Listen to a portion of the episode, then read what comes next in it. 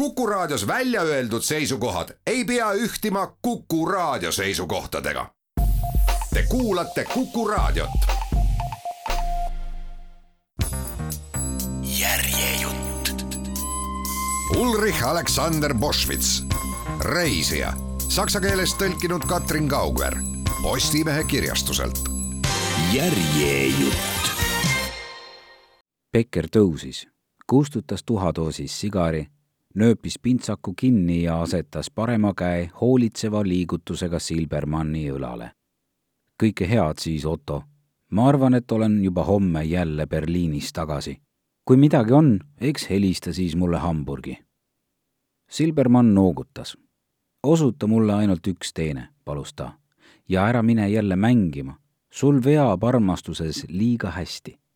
pealegi kaotad sa meie raha Becker naeris ärritunult. miks sa ei ütle, et sinu raha, küsis ta. kas ma olen seni kordagi, seda mitte, katkestas Silbermann teda tõtakalt. see on nali, sa tead küll, aga ikkagi, oled tõepoolest kergemeelne. kui sa kord juba mängima hakkad, siis niipea järele ei jäta ja kui oled tšeki veel enne rahaks vahetanud, Silbermann jättis lause pooleli ja jätkas rahulikumas toonis. ma usaldan sind täielikult. lõppude lõpuks oled sa ju mõistlik inimene sellegipoolest on tõesti kahju igast margast, mille sa mängulauda jätad. nüüd, kus me oleme äripartnerid, on sinu raha kaotus mulle niisama ebameeldiv, nagu oleks siis, kui tegemist oleks mu enda rahaga. Beckeri lai ja aval nägu, mis oli viivuks pahuralt kipra tõmbunud, selgines taas. meil pole ometi mõtet peitust mängida, Otto, arvas ta kergel toonil. kui ma kaotan, siis loomulikult sinu raha, sest mul endal ju pole teist ta naeris luksudes. me oleme partnerid, kordas Silbermann rõhuga. muidugi, sõnas Becker taas tõsinedes. ja miks sa siis kõneled minuga nii, nagu oleksin ikka veel sinu alluv? kas ma solvasin sind? küsis Silbermann. tema toonis segunesid vaikne iroonia ja kerge ehmatus rumalus, vastas Becker semulikult. vanad sõbrad nagu meie kolm aastat läänerinnet, kakskümmend aastat koostööd ja ühtehoidmist, vennas sa ei suuda mind solvata, parimal juhul pisut ärritada. ta pani käe taas Silbermanni õlale. Otto, seletas ta mehisel toonil, neil ebakindlatel aegadel, selles segases maailmas saab usaldada ainult ühte asja ja see on sõprus, tõeline meeste sõprus luba mul seda öelda, vana poiss, minu silmis oled sa mees, saksa mees, mitte juut. siiski, siiski, ma olen juut, ütles Silbermann, kes tundis Beckeri nõrkust pigem karmide kui taktitundeliste sõnade vastu ja kartis, et Becker võib oma karedalt südamliku kõneviisi tõttu rongist maha jääda. aga Beckerit oli vallanud üks tema tundehetki ja ta ei lasknud sellest sekunditki maha kriipsutada. Ma tahan sulle veel midagi öelda, teatas ta pööramata tähelepanu juba liialt sageli tema südame puistamist kuulama pidanud sõbra kärsitusele. ma olen natsionaalsotsialist. jumal teab, et ma ei ole sinu eest kunagi midagi varjanud kui sa oleksid samasugune juut nagu teised, nimelt tõeline juut, siis ma oleksin ehk jäänud su ärijuhiks, sinu osanikku poleks minust iial saanud. ma ei ole mingi esinduskoi, pole seda ilmaski olnud, aga sina oled üks ära vahetatud aarialane, see on minu kindel veendumus. Marne, Iiser, Somme, meie kaks vennas, tulgu keegi mulle rääkima, et sina Silbermann otsis pilguga kelnerit. Gustav, sa jääd rongist maha, katkestas ta teist. Rong on mulle täiesti ükspuha. Becker võttis uuesti istet. ma tahan sinuga koos veel ühe õlle võtta, selgitas ta meeleliigutusega. Silbermann lõi rusikaga vastu lauda. minu pärast võid restoranvagunis edasi napsitada, lausus ta ärritunult. mina pean nüüd koosolekule minema Becker nohises solvunult. nagu soovid, Otto, vastas ta siis järele andes. Kui ma oleksin antisemiit, siis ma vaevalt lubaksin sul sellist leitnandi tooni kasutada. ma ei luba seda enda puhul üldse kasutada, mitte kellelgi, peale sinu. ta tõusis uuesti, võttis laualt portfelli ja sõnas naerdes. ja see tahab siis nüüd juut olla ta vangutas teeseldud imestusega pead, noogutas veel kord Silbermannile ja lahkus esimese klassi ootesaalist. sõber saatis teda pilguga. Ta pani murelikult tähele, et Becker tuikus kõndides kergelt, põrkas vastu laudu ja hoidis end kangelt sirgu, nagu ikka, kui ta oli tõsiselt purjus. see ei ole talle kasuks tulnud, mõtles Silbermann ta oleks pidanud jääma ärijuhiks. ärijuhina oli Becker olnud usaldusväärne, vähese jutuga ja viisakas, väga hea töötaja. see õnn ei tule talle kasuks, kui ta äri niimoodi viimati päriselt põhja ei lase, et ta ometi mängima ei hakkaks. Silbermann kortsutas kulmu. õnn on ta hooletuks muutnud, pomises ta mornilt kelner, keda ta oli enne asjatult pilguga otsinud, saabus alles nüüd. mida siin tegelikult oodata tuleb, kas rongi või kelnerit? küsis teraval toonil Silbermann, kelle meeleolu polnud kuigi sõbralik ja kes tundis vastumeelsust kõige suhtes, mis viitas lohakusele. andke andeks, vastas kelner. Teises klassis arvas üks härra, et ta istub juudi vastas ja esitas seetõttu kaebuse. aga see polnud üldse juut, see oli lõuna-ameeriklane ja kuna ma oskan natuke hispaania keelt, kutsuti mind. olgu peale Silbermann tõusis püsti, ta suu tõmbus kriipsuks ja kelnerit tabas tema hallide silmade range pilk. kelner püüdis teda rahustada. see ei olnud tõesti juut, kinnitas ta. nähtavasti pidas ta külalist mingiks eriti karmiks parteimeheks. See ei huvita mind. kas Hamburgi rong on juba väljunud? kelner heitis pilgu perrooni värava kohal rippuvale kellale. üheksateist kakskümmend mõtles ta valjult. Magdeburgi rong väljub nüüd kohe, Hamburgi oma läheb üheksateist kakskümmend neli. kui te hästi kiiresti teete, siis jõuate veel. ma soovin, et võiksin ka mõnikord rongi peale joosta, aga meiesugused. Ta pühkis laudlinalt salvrätiga leivapuru.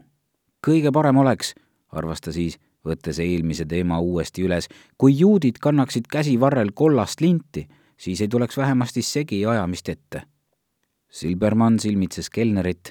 olete te tõesti nii julm? küsis ta vaikselt ja kahetses neid sõnu juba öeldes.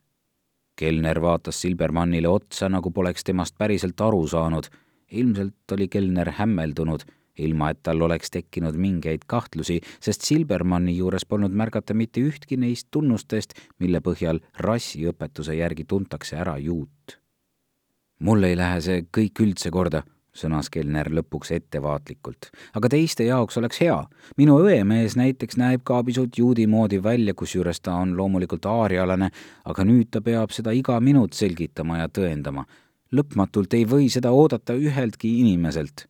Ei, seda küll ei või, soostus Silbermann. seejärel maksis ta arve ja väljus. uskumatu, mõtles ta, lihtsalt uskumatu jaamast lahkunud istus Silbermann taksosse ja sõitis koju. tänavad olid inimestest tulvil ja ta märkas mitmeid vormiriideid. ajalehemüüjad hõikasid oma lehti välja ja Silbermannile jäi mulje, et need haarati lennult. Ta kaalus hetke, kas osta endale ka ajaleht, aga loobus sellest sealsamas, sest arvas, et tõenäoliselt saab ta need halvad, tema silmis kindlasti vaenulikud uudised niikuinii piisavalt varakult teada lühikese sõidu järel jõudis ta maja ette, kus ta elas. majahoidja naine proua Friedrichs seisis trepil ja tervitas teda viisakalt ning Silbermann tundis mingil moel rõõmu naise muutumatuks jäänud käitumise üle. Punase plüüsvaibaga kaetud marmortrepist üles minnes tajus Silbermann taas, viimasel ajal olid sedalaadi mõtted talle tavapäraseks saanud, oma eksistentsi ilmselget pooltõelisust ma elan nagu polekski ma juut, imestas ta. praegusel hetkel olen ma küll ohus, ent ikka veel jõukas ja siiani puutumatu kodanik. kuidas selleni õieti jõutakse? sa elad moodsas kuuetoalises korteris, inimesed räägivad sinuga ja kohtlevad sind nii, nagu kuuluksid sa kõigiti nende hulka võiksid peaaegu süümepiina tunda, ent samas tahaksid neile valetajatele, kes teevad näo, et sa oled ikka veel see, kes sa siiani oled olnud, otsustavalt tegelikkust näidata, oma juudiks olemist ja eilsest peale teistsugusust. kes ma olin? ei, kes ma olen? kes ma tegelikult olen? Kahel jalal kõndiv sõimusõna, kellest ei paista välja, et ta on sõimusõna mul pole enam mitte mingeid õigusi, lihtsalt kombekusest või harjumusest teevad paljud näo, nagu oleks mul veel mõni õigus. kogu minu eksistents toetub üksnes nende viletsale mälule, kes tahaksid selle eksistentsi tegelikult hävitada. ma olen unustatud, olen juba degradeeritud, aga see degradeerimine pole veel avalikult täide viidud Silbermann kergitas kaabut ja tervitas salanõunik Tsenkeli prouat, kes väljus oma uksest. tere päevast, armuline proua, kuidas teil läheb? küsis proua lahkelt. üldjoontes hästi ja kuidas teil endal läheb? tänan küsimast rahuldavalt, nagu ühel vanal naisel ikka läheb. ta ulatas Silbermannile hüvasti jätuks käe. Teil on küll praegu raske aeg, leidis ta veel kahetsusega. hirmus aeg. Silbermann piirdus põgusa, ühteaegu ettevaatliku ja kaalutleva viisaka naeratusega, mis polnud ei nõustuv ega vastuvaidlev. meile on antud üks iseäralik roll põhimõtteliselt, ütles ta viimaks aga eks see ole ju ka üks erakordne aeg, lohutas proua teda. Teie vastu ollakse küll ebaõiglane, aga te peate sellegipoolest mõtlema õiglaselt ja olema mõistev. kas seda pole natuke palju tahetud, armuline proua? küsis Silbermann. Ma muuseas üldse ei mõtlegi enam, olen end sellest võõrutanud. nii talud kõike paremini.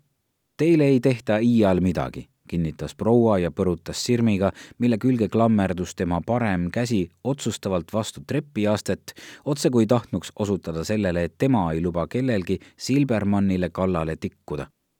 seepeale noogutas ta Silbermannile julgustavalt ja möödus temast koju jõudnud päris Silbermann toatüdrukult otsekohe, kas härra Findler on juba kohal. tüdruk vastas jaatavalt ning heitnud kaabu ja mantli kiiruga kõrvale, astus Silbermann külaliste tuppa, kus külaline teda ootas. Theo Findler seisis ühe pildi ees ja vaatas seda üpris pahuralt. kuulnud ust avanemas, pööras ta kähku ümber ja naeratas tulijale vastu. noh küsis ta ja manas laubale sügavad ja enda arust tähendusrikkad kortsud, nagu alati, kui ta kõneles. kuidas teil siis läheb, mu sõber? kartsin juba, et teiega on midagi juhtunud. iial ei või ju teada. kas olete lasknud mu viimasel ettepanekul juba peast läbi käia? kuidas läheb teie naisel? Polegi teda veel näinud. nii et Becker sõitis siis Hamburgi.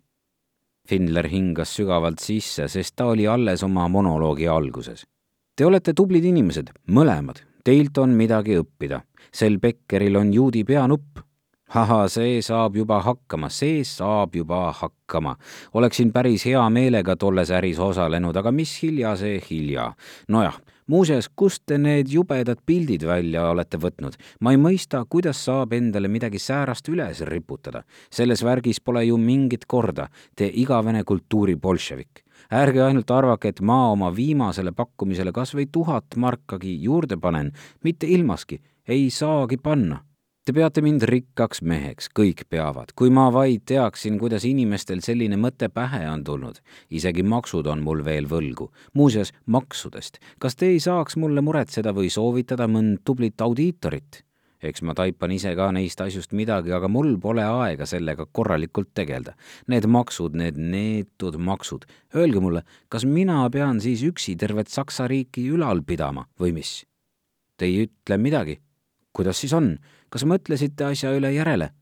võtate pakkumise vastu? Teie naisel peab midagi minu vastu olema, ta ei anna end üldse näole, ma ei mõista. kas ta paneb mulle pahaks, et me teda hiljuti ühel õhtul ei tervitanud? Aga kulla inimene, me ei saanud ju seda teha. lokaal oli natse täis. mu naine tüütas mind tagantjärele sellega, et me oleksime pidanud teid tervitama, aga ma ütlesin talle, et see Silbermann on igati mõistlik inimene. küllap ta saab aru, et ma ei või end tema pärast kompromiteerida, eks ole? niisiis, Silbermann, tehke nüüd suu lahti, kas te tahate seda maja müüa või ei taha? tundus, et Findler on nüüd kõik ära öelnud, igatahes vaatas ta Silbermannile ootusrikkalt otsa. Nad võtsid istet suitsetamislaua ääres, ent Findler oli vist liiga hoogsalt tugitooli laskunud, igatahes hõõrus ta valulisel ja äärmiselt keskendunud ilmel oma vasakut puusa. Üheksakümmend tuhat, ütles Silbermann, jättes reageerimata kõiksugustele küsimustele ja märkustele, mille teine, nagu ta väga hästi teadis, poetas vahele ennekõike selleks, et teda segadusse ajada kolmkümmend tuhat sulas, ülejäänule tuleb teise poole kasuks hüpoteek seada. otse kui elektrilöögist tabatuna hüppas Finlar püsti. ärge siin hakake midagi välja mõtlema, hüüdis ta peaaegu solvunult. lõpetame selle nalja tegemise nüüd ära. viisteist tuhat lauale, selge? või kolmkümmend tuhat marka. teate mis? kui mul oleks kolmkümmend tuhat vaba marka, oskaksin ma sellega midagi paremat peale hakata, kui teie maja ära osta. Kolmkümmend tuhat marka. aga rehkendage üüritulu juurde. kuna müügihind on niikuinii naeruväärne, pean ma vähemasti viisaka käsiraha saama.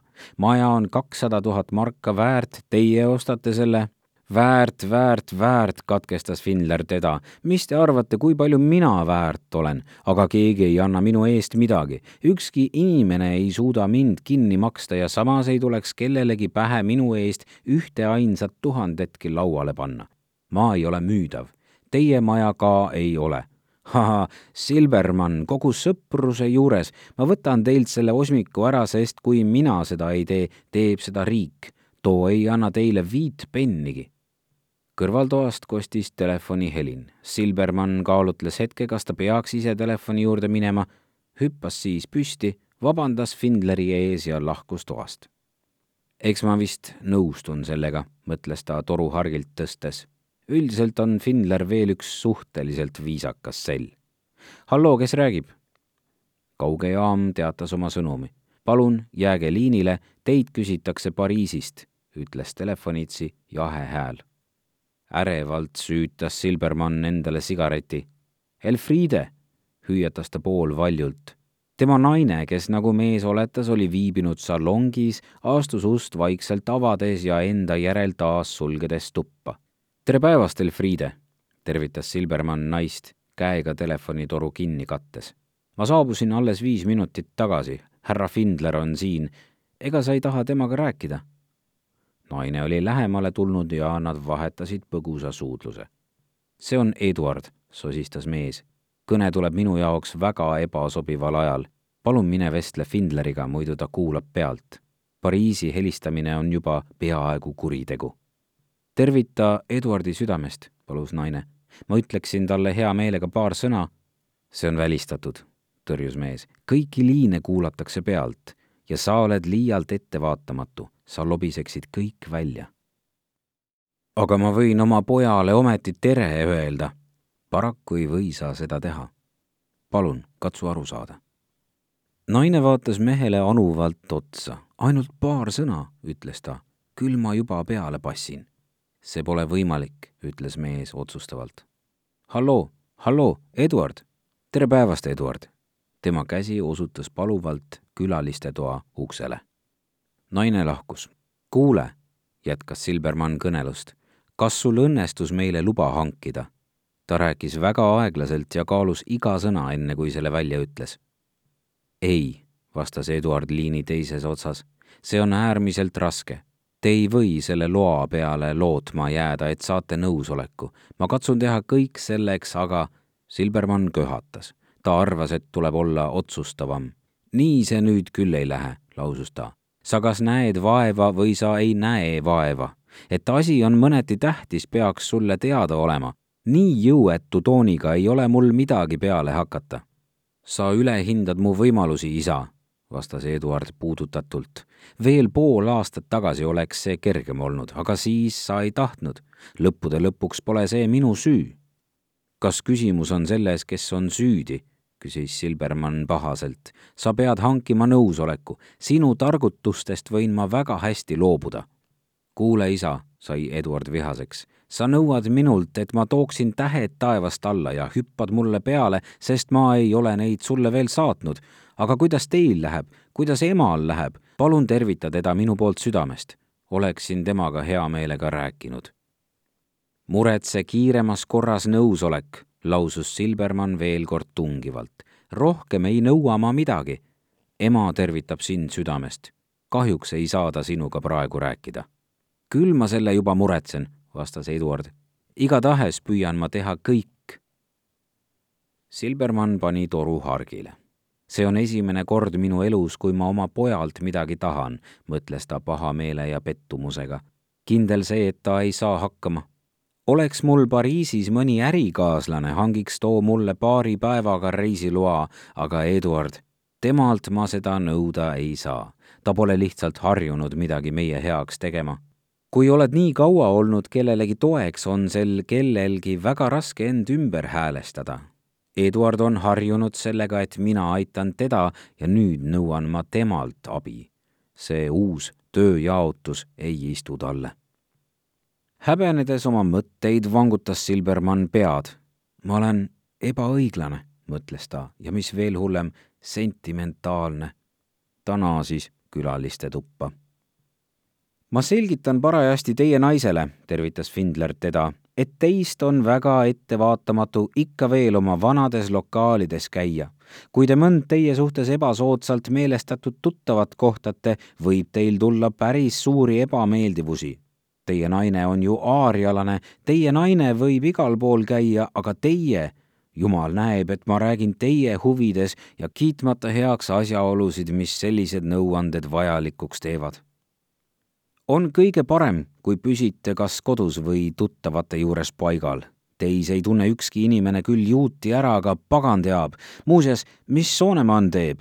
küllap võttis õigel ajal jalad selga, ahaa, veidrad ajad või mis? kuulge, Findler, alustas Silbermann nüüd, ma jätan maja teile kahekümne tuhande margase käsirahaga, et lõpuks mingi otsuseni jõuda. ärge rääkige rumalusi, miks te tahate oma vana Findlerit koorida? piiril võetakse see raha teilt niikuinii ära. Teie meele heaks võiksin ma ju maksta ehk paar marka rohkemgi, kui see osmik tegelikult väärt on, aga selleks, et Preisi riigile teenet osutada, ei esialgu ei ole mul sugugi kavatsust Saksamaalt lahkuda. Ah, sõbrad, tehke nii, nagu te tahate. minu silmis väärite te tõepoolest midagi paremat kui praegused olud. Saksa rahvas liimitakse kokku juudi verega, aga miks peab just minu sõber Silbermann olema selleks kliistriks? sellest ma aru ei saa. päästku end, kes suudab. mõistan seda täielikult kas juutide vastu ei sooritata mitte hirmsat kuritegu, küsis proua Silbermann, kelles lause saksa rahvas liimitakse kokku juudi verega, õõva tekitas ja kes polnud veel lahti saanud kombest otsida sündmuste moraali. kindel see, tähendas Findler kuivalt, maailmas tehakse palju kurja ja mõnikord ka head, kord ühele, kord teisele.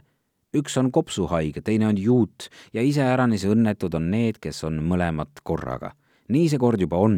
Mis te arvate, millist ebaõnne mul elus ette on tulnud, sinna ei ole midagi parata. et te ei ole just ülemäära taktitundeline, härra Findler, ütles proua Silbermann pahaselt, seda ma teadsin. aga et te olete seesmiselt nii külm ja ta neelas alla sõna jõhker, ükskõikne, see on minu jaoks igatahes midagi uut.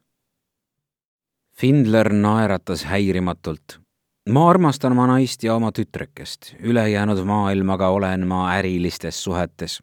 siin on teile kogu minu suhe maailmaga. ma ei armasta juute, ma ei vihka juute, nad on mulle ükskõik ja ma imetlen neid kui tublisid kaupmehi. kui neile ülekohut tehakse, on mul kahju, aga see ei pane mind ka imestama.